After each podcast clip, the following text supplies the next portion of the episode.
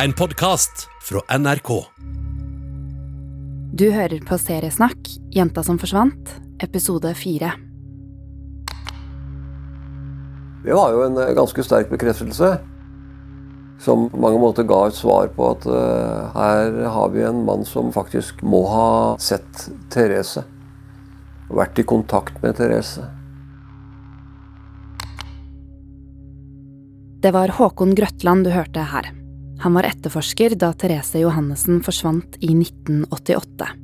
Du kan se mer om hvordan han og resten av politiet arbeidet med etterforskningen av denne saken i TV-serien Therese, jenta som forsvant, på NRK.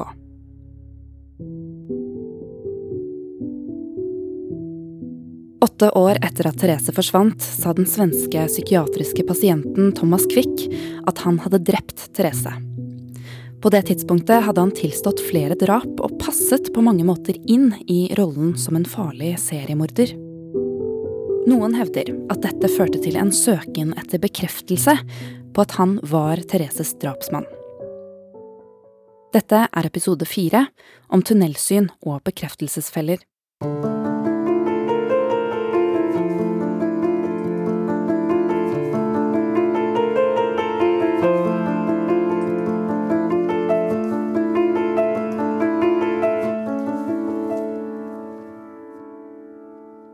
Man kan ikke unngå å snevre inn en etterforskning når den kommer et stykke på vei. Man vil følge de sporene man finner, og lete etter de riktige svarene.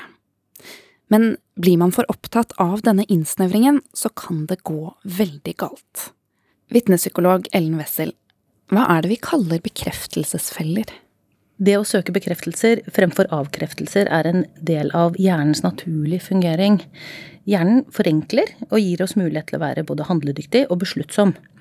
Men medfører også at vi kan ta noen farlige snarveier. Og når vi havner i bekreftelsesfella, har vi søkt informasjon som støtter egen oppfatning, samtidig som vi har unngått informasjon som kunne utfordret oss.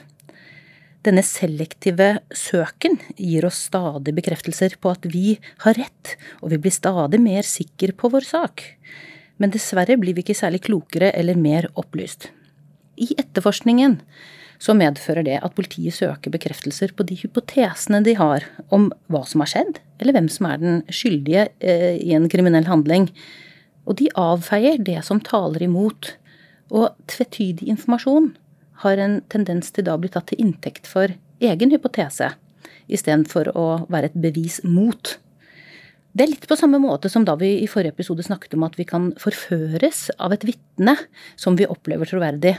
Fordi når dette inntrykket av troverdighet har blitt etablert i oss, så lytter vi selektivt fordi vi er forutinntatt. Vi hører ikke like godt informasjonen som tilsier det motsatte. Journalist Dan Josefsson har vært kritisk til måten det svenske politiet jobbet med Kvikk-saken. Her snakker han om hvordan han opplever at politiet gjerne ville tro på Kvikk. Man sa helt enkelt at um, ibland måtte han av et indre tvång si feil. Om han skulle beskrive et offer på et riktig sett, så skulle det bli, leda til en sånn ångest for honom. Så att han som en sorts säkerhetsventil beskrev personer, platser, you name it, på ett fullständigt felaktigt sätt. Vad han än gör blir det en bekräftelse på att han är seriemördaren Thomas Quick. Josefsson snakker her om flere bekreftelsesfeller. Hva vil det si å få tunnelsyn? Altså, når vi har gått i bekreftelsesfella, så får man ofte et tunnelsyn. Et tunnelsyn gir en blindhet for informasjon som ikke støtter dine egne hypoteser. Litt som en hest som har skylapper på. Målet er jo på en måte at hesten skal ha et snevert fokus og ikke bli distrahert av det rundt for å gjøre oppgaven sin. Og Josefsson han beskriver jo hvordan egentlig skråsikkerheten på at Kvikk var skyldig, fører til at det han forteller, stadig omformuleres eller tolkes slik at det passer med hva de har funnet. F.eks. ser vi at høyre blir venstre når det passer, svart blir hvitt eh, når det passer. Hva kan konsekvensen av dette bli? Altså I verste fall kan en uskyldig person bli tiltalt. I Kolstad-saken har vi jo et eksempel på det. I 1999 blir tidligere norgesmester i kroppsbygging Marius Kolstad brutalt drept i sin leilighet i gamlebyen i Oslo, angivelig med en stump gjenstand. Etter ett år uten svar på hva som kan ha skjedd, blir Kolstads venn, Stein Inge Johannessen, pekt ut av et vitne som gjerningsmann. Han blir tiltalt for drapet og sitter fengslet i tre og et halvt år, før en annen mann tilstår å ha drept Kolstad. Her snakker Stein Inge Johannessen i et avhør. Jeg, jeg sier rett ut til deg nå, det er, det er, diverse kriminelle ting som jeg har gjort. ikke sant? Som, som Jeg kan ikke si det er frivillig. og så... Jeg, jeg, jeg håper du har litt forståelse for det. Altså, hva, Hvordan skal du forvente at politiet skal nei, nei, finne deg troverdig? Nei, meg, meg troverdig? Jeg er ikke troverdig i utgangspunktet. Stein Inge Johansen refererer jo her selv til den situasjonen han befant seg i som rusmisbruker, og den kriminelle bakgrunnen han hadde, til at jeg har jo ikke noe sjans. Jeg er jo per definisjon ikke troverdig. Og det er inngangsverdien i, den saken.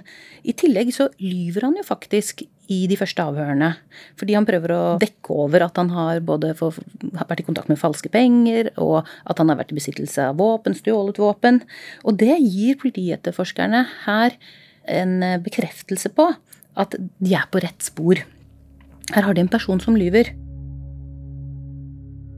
Etter ett års etterforskning skjer det et gjennombrudd i Kolstad-saken. Et vitne, Vibeke, mener hun har sett Stein Inge Johannessen løpe ut fra Kolstads leilighet, tilsølt med blod og iført en snekkerbukse med en hammer i beltet.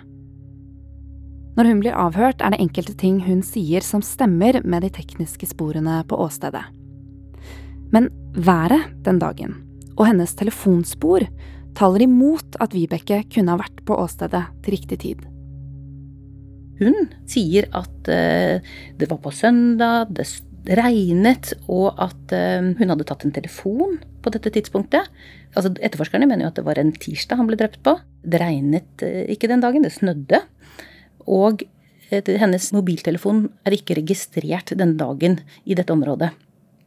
Allikevel så mener man at det hun beskriver, er så tett opp mot hva som har skjedd. Han har blitt drept med en stump gjenstand.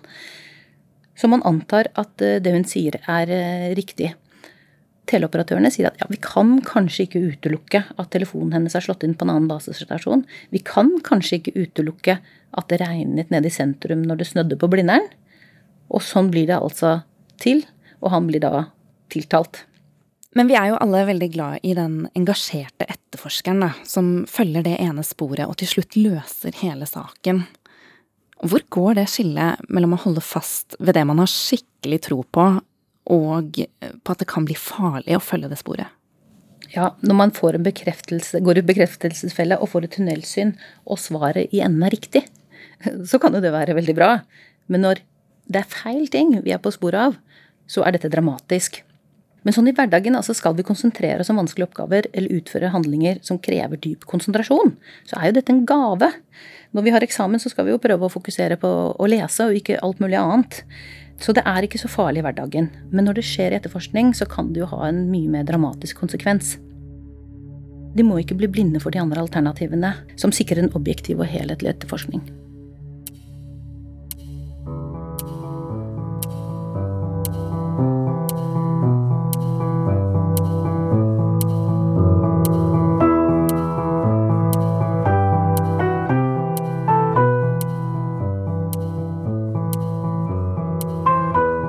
Er det noen ting som kan gjøre at man lettere går i bekreftelsesfeller?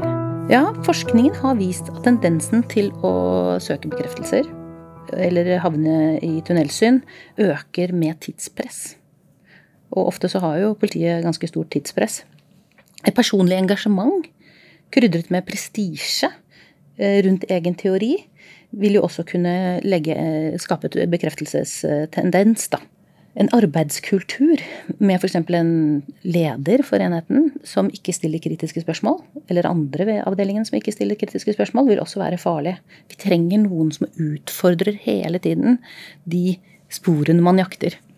Eh, forskning viser jo også at media, kan, eller offentligheten, kan være med på å påvirke. De har jo gjerne et behov for en snarlig oppklaring, og kan gi press. De kan også publisere informasjon, media, om aktører som er involvert i en sak, som kan være Som rett og slett kan utfordre enkelte aktørers pålitelighet. I Norge har vi jo et politi som er relativt åpen, altså opererer åpent og kommer ut stadig og forteller hvordan de ligger an i etterforskningen sin. Transparent system. Dette er jo veldig positivt i forhold til eh, å forhindre korrupsjon, eller at eh, politiet bruker skjulte metoder. Det blir mindre anledning til å, holde på med slike ting. Men det åpner jo også opp for at offentligheten kan mene noe. Og eh, vi ser jo i noen saker at de har sterke meninger om hvilke spor som bør fokuseres på, og hva som skjer. F.eks. i, i Hagen-saken så har jo media vært ganske på å utfordre politietterforskerne. Og det stresser dem nok sikkert litt, og legger press på dem. Hagen-saken er altså saken der Anne Elisabeth Hagen forsvant fra sitt hjem i Lørenskog i oktober i 2018. Nå i november 2020 er hun fortsatt ikke funnet. Er det andre parter i en etterforskning som kan få tunnelsyn? Ja, altså Et vitne kan jo være skråsikker på hva hun har sett eller hørt, og hva hun husker, uten at det nødvendigvis betyr at hun husker riktig eller har sett riktig. Og det kan jo overføres til etterforskerne. Men eh, hvis du tenker på de som er involvert i rettsprosessen, så gjelder det også aktørene der. Altså juryen kan få bekreftelser, kanskje påvirket av en veldig sterk juryformann dommerne, men også sakkyndige og eksperter. De kan få tunnelsyn, og det er jo ikke sjelden at vi ser to sakkyndige som kommer frem til to helt forskjellige svar. Og om de begge har fått eh, tunnelsyn i, i hver sin retning, det vet man jo ikke. Men det er jo gjerne sånn at det kan være mulig. Rettsmedisinerne de får jo gjerne et mandat som allerede er basert på etterforskerens ideer om hva som har skjedd. Og hvis det i mandatet ligger et tunnelsyn, da sparer jo de på de spørsmålene de får. Unnskyld, mandatet er eh, oppdraget de får fra etterforskerne? Mandatet er jo beskrivelser av hvilke spørsmål etterforskerne lurer på i forhold til et funn. Si at eh, det er blod på drapsvåpenet, eller en gjenstand man mener kan ha drept. Og rettsmedisineren får beskjed om å analysere er dette blod. Så kan han komme frem til ja, dette er blod. Hvis det da ikke stilles kritiske spørsmål til rettsmedisineren i ettertid, er det menneskeblod? Eller kan det være noe annet? Så vil jo det henge litt i luften. Og hvis man da vil at det skal være menneskeblod, så kan jo konklusjonen bli deretter. I Therese-saken ble en av Europas fremste eksperter på ben, Per Holk, bedt om å analysere et større materiale funnet i restene av et bål. Da han skulle forklare seg om funnet i retten, ble han spurt om dette kunne være menneskeben. Jeg er fortsatt helt sikker på at det er ben jeg har eh, analysert. Men om det er menneskeben, det er litt mer usikkert. Jeg kan vel ikke helt utelukke at det kan ha vært dyreben. Eller at det er et benfunn som overhodet ikke har noe med Therese Johansen å gjøre. Det kan ikke utelukkes. Så vi er jo prisgitt de rettsmedisinerne og sakkyndige som utfordrer mandatet om dette allerede har et tunnelsyn, og svarer mer utfyllende enn det mandatet egentlig legger føringer til. Det har de mulighet til, ikke minst i lys av at retten ofte har veldig stor tillit til ekspertenes konklusjoner. Mediene kan iblant havne i bekreftelsesfeller og i enkelte saker få tunnelsyn i dekningen av kriminalsaker. Hva kan det ha hatt å si for etterforskningen? Jeg tror jo granskningsjournalistikk kan av og til være svært oppklarende, og vi har sett at de har kommet med informasjon som er svært relevant fra saken. Men det er klart, de kan også havne ned i en, sin tunnel, ikke sant, og ikke se helheten. Og det vi må være klar over, er jo at media kan ha en stor innvirkning på de menneskene som skal ta beslutninger, både under etterforskningen, men også senere i rettssaken.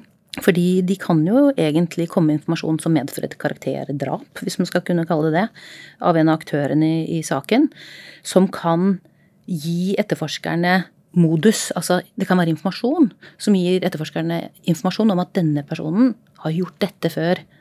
han er i stand til å gjøre det vi nå står ovenfor. Eller at juryen, beslutningstakerne i retten, får denne informasjonen og får dette utroverdige inntrykket jeg snakker om, og blir forført av dette. Og så slår det ut på hvordan de vurderer. I tillegg til en rekke artikler, intervjuer og TV-saker rundt forsvinningen av Therese Johannessen, blir det også publisert flere fantomtegninger i avisa. Den observasjonen førte til at han ville hjelpe til med å lage et såkalt eh, robotbilde. Det var sånne fotoplater av noe slag som ble satt sammen etter hvert som vitnet beskrev den han hadde sett. Fantomtegningene var som oftest av menn med særegent utseende.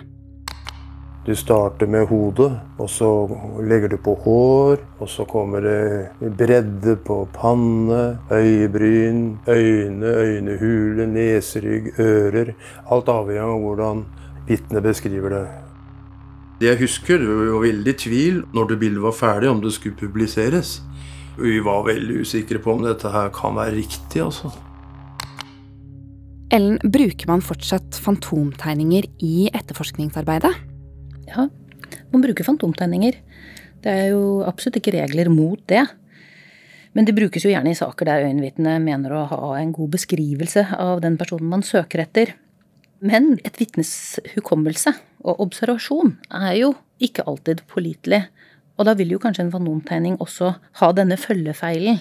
Og hvis man da søker blindt etter denne personen har veldig tiltro til beskrivelsen, så vil jo for det første man allokere ganske mye ressurser i denne retningen. Man risikerer å bli, ta en person som ligner, kanskje til og med, som ikke er eh, knyttet til saken.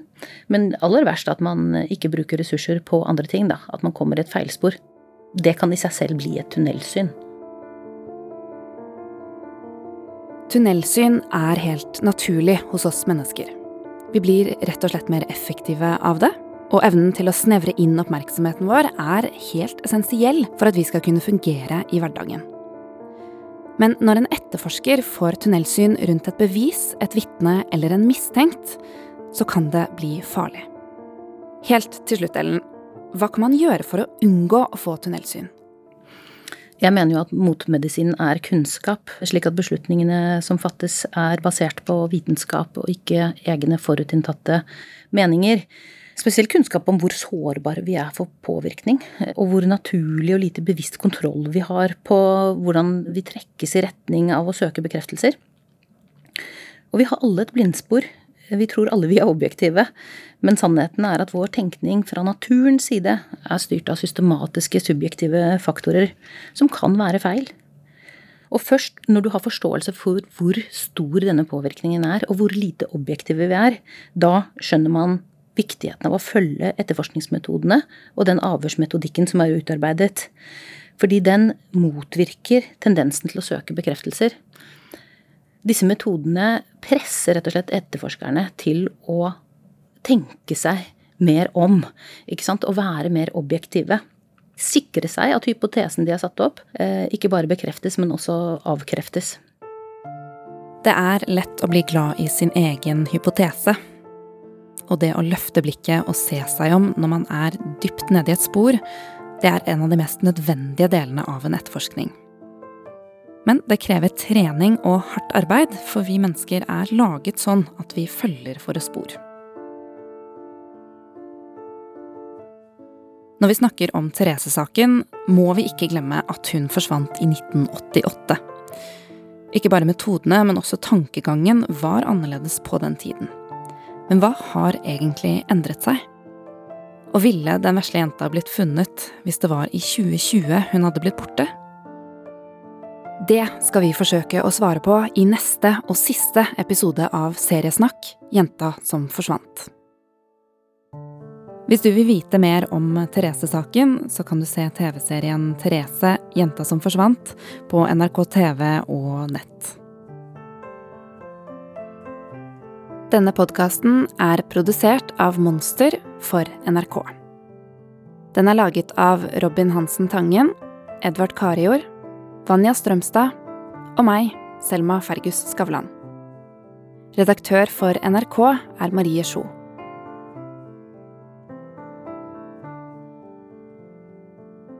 Du har hørt en podkast fra NRK. Hør flere podkaster og din favorittkanal i appen NRK Radio.